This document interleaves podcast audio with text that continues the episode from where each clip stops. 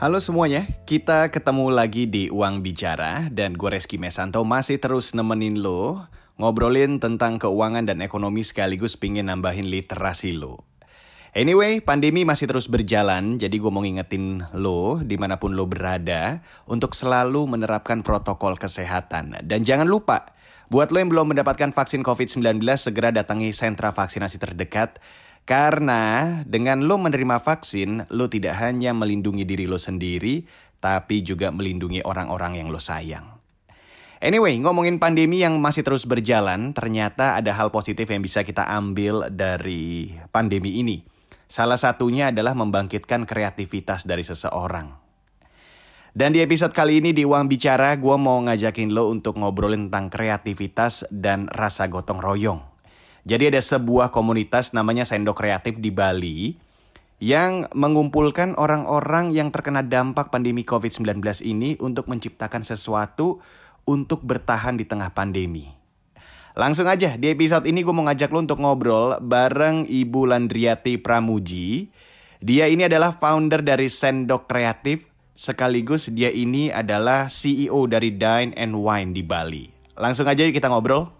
Terima kasih Bu sudah gabung di Uang Bicara. Kita akan ngobrolin tentang sendok kreatif dari Bali. Ini sebelum kita mulai kita kenalan dulu Bu, biar teman-teman di Uang Bicara juga tahu Ibu ini siapa dan Ibu sebagai apa di sendok kreatif ini. Saya Landriati Pramuji.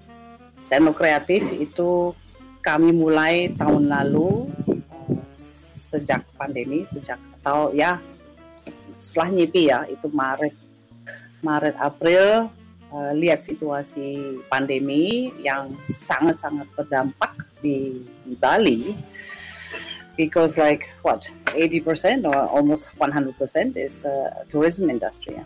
Oke, jadi bisa dibilang Sendo Kreatif ini baru mulai start ini pada saat pandemi. Kalau kemudian kita ngobrol kembali tentang Sendok Kreatif sendiri. Ini Sendok Kreatif ini ibu dirikan bersama teman-teman atau berapa atau hanya ibu sendiri yang mendirikan? I had the idea and that's why the first one that I was talking mm-hmm. to see what is the situation.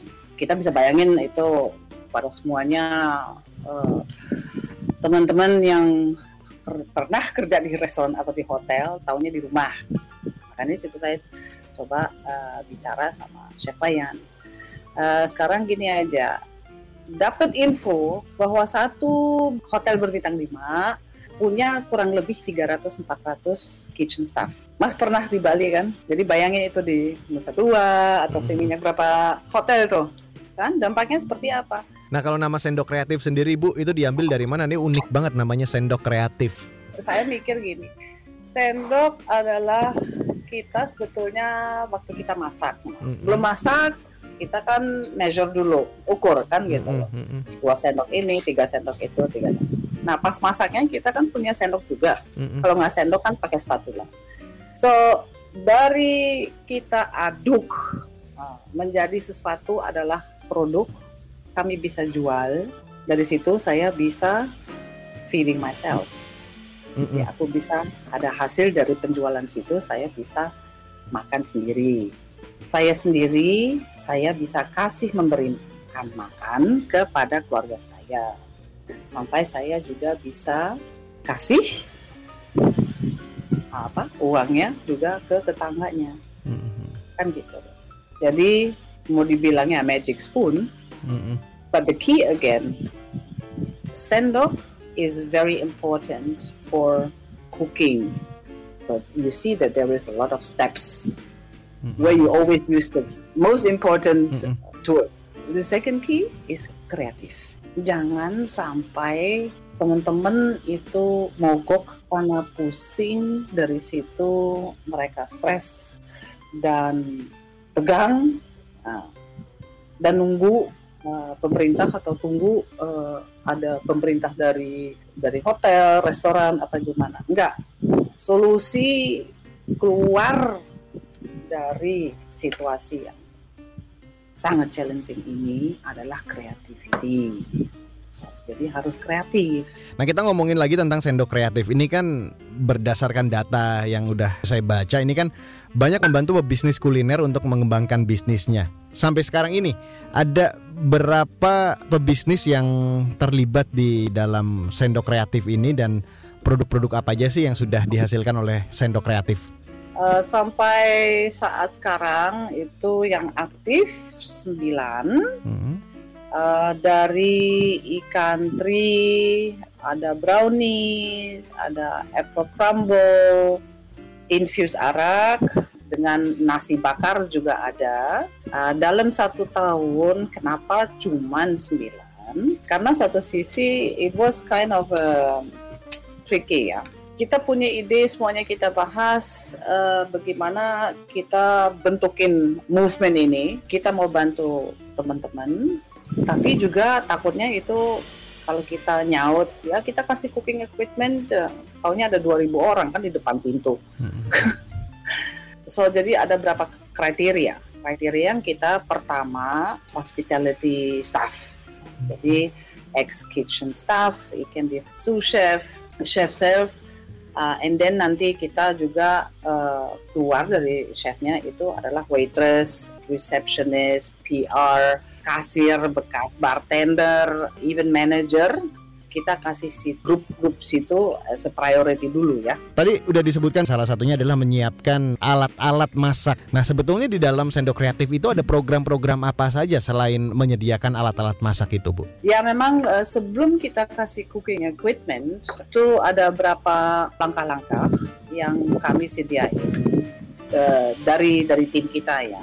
Salah satu sih cost calculation sebenarnya. Jadi apa aja yang kami berikan itu biasanya kita sebagai jasa untuk restoran masing-masing dan restoran biasanya itu bayar jasa. Nah, untuk anak-anak di sini kita kasih bebas. Jadi katakanlah ada yang bikin nasi bakar dia datang ke kita dia baru mungkin Instagram itu baru buka baru 50 follower produk itu akan dievaluasi dengan tim kita. Apa terlalu asin atau terlalu kebakar. Jadi uh, taste taste and value uh, harganya berapa itu dievaluasi apakah oke okay, bagus uh, atau harus mungkin di, di, dibetulin dikit. Kami ajarin itu benar dari Excel sheet. Jadi kasih tahu itu bukan sekedar oh saya keluarin 150 ribu di pasar tahunnya sama masak tahunnya saya dapat 30 porsi. Saya jual untuk 15 ribu karena teman-teman saya cuma bisa bayar 15 ribu. Jual semuanya dapat 180 mungkin ya. Udah lupa lagi itu yang sebetulnya dibayar itu awalnya berapa. Hmm. jadi yang mereka cuma lihatnya yang kanan saya keluarin uang dan kiri oh ya ada masuk lagi. Jadi oke okay, you you see a rotating money but what is actually the the uh, net profit? Untungnya sebetulnya berapa?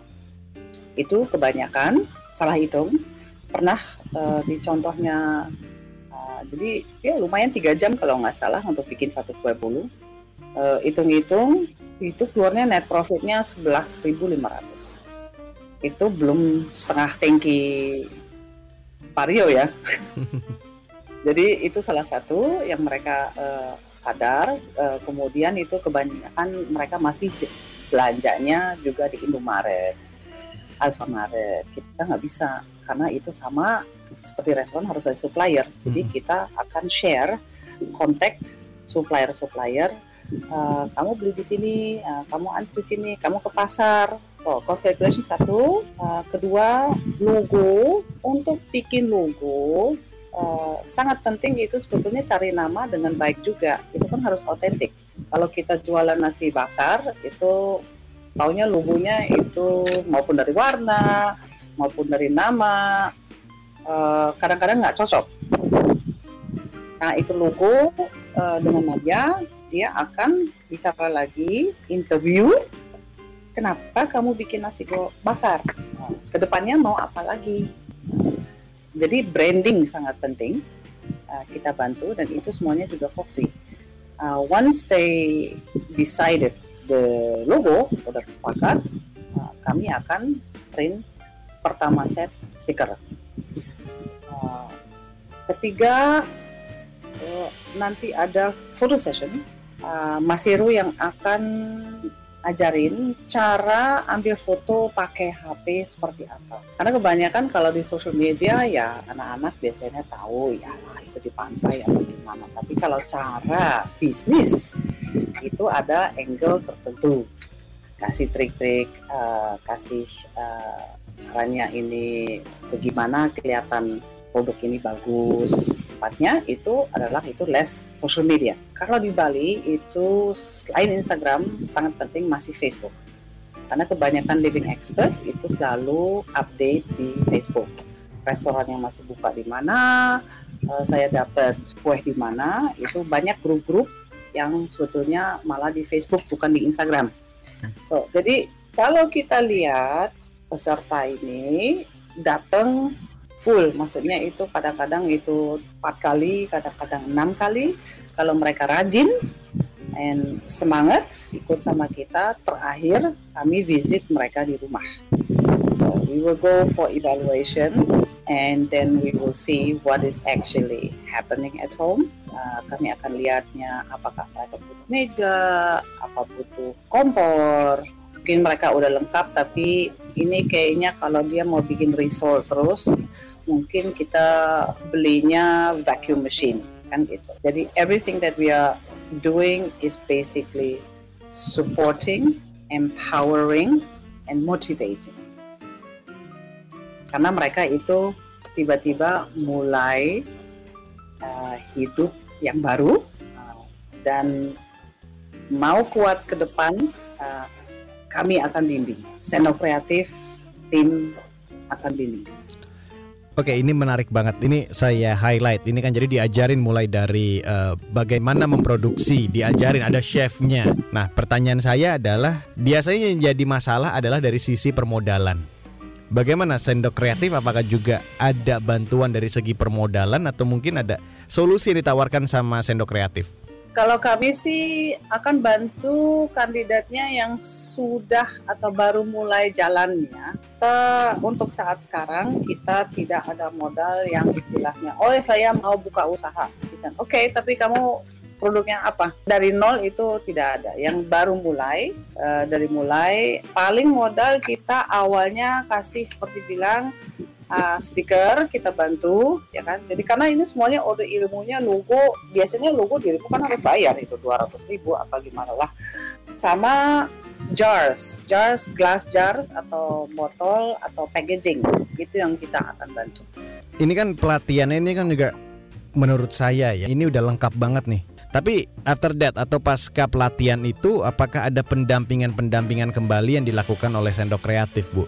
Oh iya, yang kita baru mulai sih uh, kemarin kayak semacam workshop mm-hmm. itu sebelum ppkm kemarin.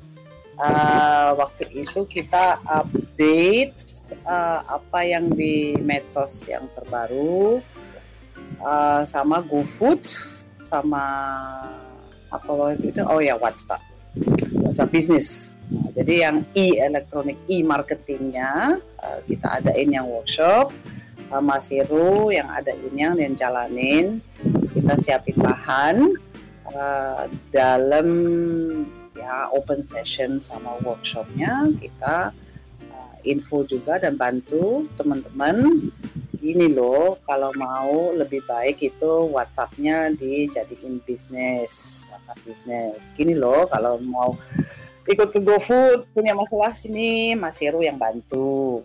Gitu. Um, planning kita ada lagi workshop dengan Nadia uh, bagaimana cara flyer achievement apa yang pingin Sendok Kreatif uh, lakukan lagi dan kira-kira harapannya apa Bu untuk ke depannya? Uh, itu Sendok Kreatif ingin uh, hoping ada gerakan di bidang lain. Kalau kita karena kita volunteer dari Sendok Kreatif, semuanya datang dari food and beverage, dari hospitality. If we can be an example to step forward, so then we have to create something new, maybe something new that sebelum ada apa-apa, kan gitu, total yang baru.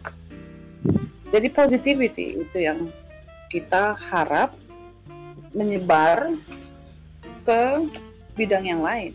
Kalau ada fashion industry, ada yang siapa desainer daripada mikir sendiri, kenapa tidak kamu bikin sistem hampir mirip? It's sharing knowledge. Karena kalau mereka pun ke sekolah itu sekolah pariwisata kan harus bayar, lumayan mahal loh. Kalau kita kasih kopi dan kita kasih dengan senang hati. Itu yang kontribusi kita kembali ke Bali karena waktu masa kita lagi enak dan bagus, ya kita dapat juga orderannya banyak. Nah, sekarang it's our turn to give it back. Itu dia Ibu Landriati Pramuji. Dia ini adalah founder dari Sendok Kreatif yang juga CEO dari Dine and Wine di Bali. Abis ini di Uang Bicara, gue masih terus ngobrolin tentang Sendok Kreatif ini. Tapi di bagian selanjutnya gua mau ngobrol bareng seorang peserta yang sudah ikutan sendok kreatif dan mendapatkan manfaatnya. Jadi jangan ke mana-mana, tetap di Uang Bicara.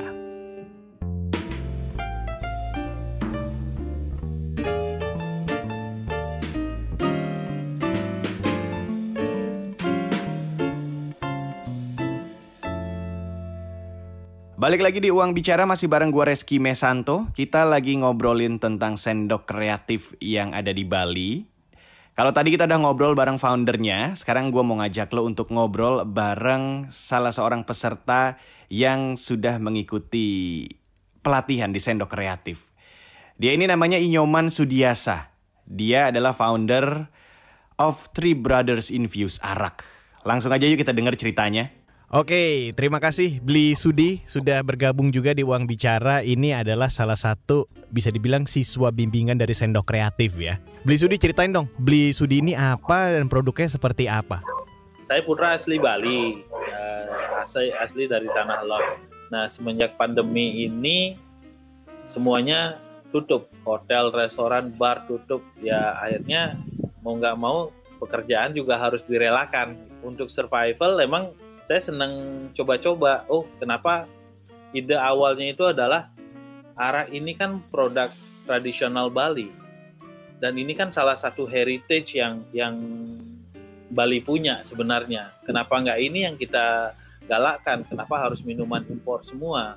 Sementara arak sendiri belum mendapat pengakuan dan kebetulan juga saya akhirnya ikut bergabung sama salah satu koperasi arak gitu gimana caranya mendapatkan arak yang memang betul-betul uh, produksinya bagus yang kayak gitu dan dari segi kualitas bisa dipertanggungjawabkan gitu akhirnya lewat itulah aw awalnya kita ngomongin arak dan sendok kreatif sejak kapan ikutan sendok kreatif dan dulu awalnya gimana sih Bli? Jadi awalnya itu di pertengahan 2020 sebenarnya mungkin nggak sengaja Bu Landri lagi belanja di depan warung mau beli sate gitu. Terus uh, akhirnya kok ada botol shop kayaknya di dalam gitu. Terus dilihatlah ada botol-botol pajangan. Saya buat pajang botol-botol yang sudah ready mix kan.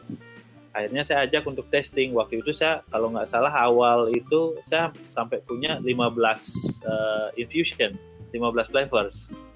Jadi testing-testing cuman waktu itu Bu, Bu Landri ngasih masukan. Ini mungkin packagingnya yang harus dirubah segala macam mau nggak kamu masuk ke istilahnya menjadi salah satu hero kita untuk di sendok kreatif. Saya bertanya-tanya ini apaan gitu. apa saya mau ditodong untuk untuk ngasih apalah jualan untuk apa? Akhirnya saya hubungi lagi ini konsepnya gimana ya kita mau nolong istilahnya kita mau assist kamu untuk berkembang lebih jauh gitu akhirnya udah saya masuk diperkenalkan sama tim sendok kreatif ada Mas Heru ada Mbak Nadia ada chef Wayan. Akhirnya saya ceritakan. Saya bawa sampel beberapa produk saya ceritakan. Oh jadi dikasih masukan ini flavornya mungkin lebih ke ini packagingnya segala macam. Karena awal mula sebelum menjadi Three Brothers itu namanya Sip and Brew. Karena kebetulan saya jual di tempat apa namanya nongkrong bareng sama kakak. Biasanya namanya Sip and Brew warungnya. Brew berawal dari itulah. Jadinya udah kita konsep bareng. Idenya itu sebenarnya banyak digali dua hari kita ketemu idenya mau pakai nama apa segala macam karena motivasi saya untuk bikin ini kan juga saya punya keluarga ada tiga anak nah akhirnya udah kenapa nggak pakai itu aja kan itu salah satu motivasi buat buat saya buat apa namanya berkreasi gitu. Beli dulu ikutan sendok kreatif ini dapat materi apa aja beli? Kalau yang pertama itu banyak ya. Kalau boleh dibilang mungkin saya mulainya hampir dari angka 10 sampai 100 ya. Karena awal masalah ingredients awalnya gimana caranya uh, mendapatkan flavors yang bagus dari setiap ingredients. Itu ada chef Wayan dulu. Karena awal-awal waktu saya bikin uh, campuran yang ada rempahnya, coba rempahnya di toast bentar jadi minyaknya keluar baru di infuse itu salah satunya terus dari mana dia juga logonya kayak gini botolnya juga diganti shape-nya jangan pakai logo yang apa botol yang ada brandnya jadi jadi clean gitu. Terus dari Mas Heru juga harus lebih aktif di sosial media. Bola juga sama semuanya. Jadi di push di sosial media, di push ke kenalan-kenalan channelnya Sendok Kreatif, diikutkan basar. Awal-awal produksi juga saya di banyak disupport dari istilahnya dari apa namanya peralatan karena waktu itu saya bikinnya di rumah eh, apa namanya kompor satu. Jadi akhirnya dari Sando Kreatif melihat ini nggak efisien. Kalau kamu mau produksi sendiri harus pisah. Jangan digabungin masak nunggu istri masak dulu baru bikin infusion kan gitu. Nggak nggak seru gitu. Akhirnya udah disiapin kompor disiapin tempat infusion. Perbedaan apa aja nih beli yang mungkin beli berasa ya dulu awal pandemi Eh, jualan di warung kakak, tempat nongkrong, sekarang udah ikutan sendok kreatif. Apa nih perbedaan yang terasa dari yang dulu sebelum dan sekarang sesudah, before after lah?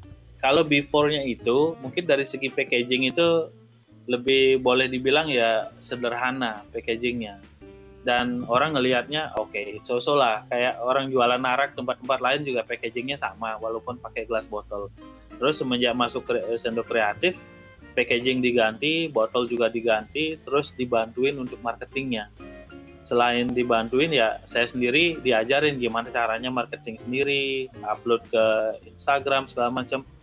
Terus link-link juga di apa namanya dibantuin. Kamu harus masuk ke link ini. Jadi jualannya juga bisa lebih banyak. Nah, itu dipandu sedikit emang dari nol jadinya saya benar-benar dipandu. Kalau kita bicara tentang omset, berapa omset dari araknya beli sekarang? Sebelum kalau dan sesudah ya. Ya kalau dari segi omset sih lumayan lah buat hidup sebulan masih bisa nutupin. Masih aman ya? Masih aman. Beli, bisikin dong kira-kira berapa nih omsetnya? Sebulan lah. Range-nya ya, aja deh, range-nya aja. Ya mungkin dari bersih dapatlah Scoopy satu. Waduh, luar biasa ya. Saya jadi kebayang-bayang nih. Jadi kalau dibeli bilang uh, bersihnya sebulan dapat Scoopy satu, berapanya ya silahkan cari sendiri ya harga Scoopy berapa. Beli my last question, harapan beli ke depannya apa? Kalau saya sebagai bagian dari tim Sendok Kreatif juga, saya mau motivasi dari teman-teman yang lain yang belum bergabung, mungkin punya usaha, punya produk yang mau dibantuin untuk eh, apa namanya dari segi marketing, packaging, gimana caranya menjual nantinya. Ayolah gabung uh, ke Sendok Kreatif. Di sini murni gak ada mikirin bisnis untuk nyari untung. Semuanya berangkat dari apa namanya hati yang tulus. Gak, karena saya lihat sendiri nggak ada yang istilahnya sampai oh kamu harus setoran sekarang kamu udah dapat jualan. Nggak ada satupun. Kita nggak dituntut. Bahkan itu berangkat dari kita. Bahkan uh, ayo kita ajak teman-teman yang lain juga ikutan gabung sendok kreatif. Siapa tahu dengan ini suatu saat Bali itu nggak sepenuhnya tergantung dengan pariwisata lagi. Itu dia Inyoman Sudiasa. Atau biasanya dipanggilnya Bli Sudi. Dia ini adalah founder of Three Brothers Infused Arak sekaligus peserta dari pelatihan sendok kreatif di Bali. Mudah-mudahan semakin banyak lagi sendok kreatif-sendok kreatif lain dalam bidang apa pun yang bisa membantu orang-orang yang terdampak pandemi ini untuk kreatif dan survive di tengah pandemi. Well, sampai di sini dulu ya episode Uang Bicara kali ini. Kalau lo punya kritik, saran, ataupun masukan buat topik-topik yang kita bahas di Uang Bicara, jangan pernah ragu untuk kirim email ke podcast at kbrprime.id. Gua Reski Mesanto undur diri. Tetap semangat, tetap sehat, dan yang paling penting adalah tetap bahagia dan tetap produktif walau di tengah pandemi. Bye bye.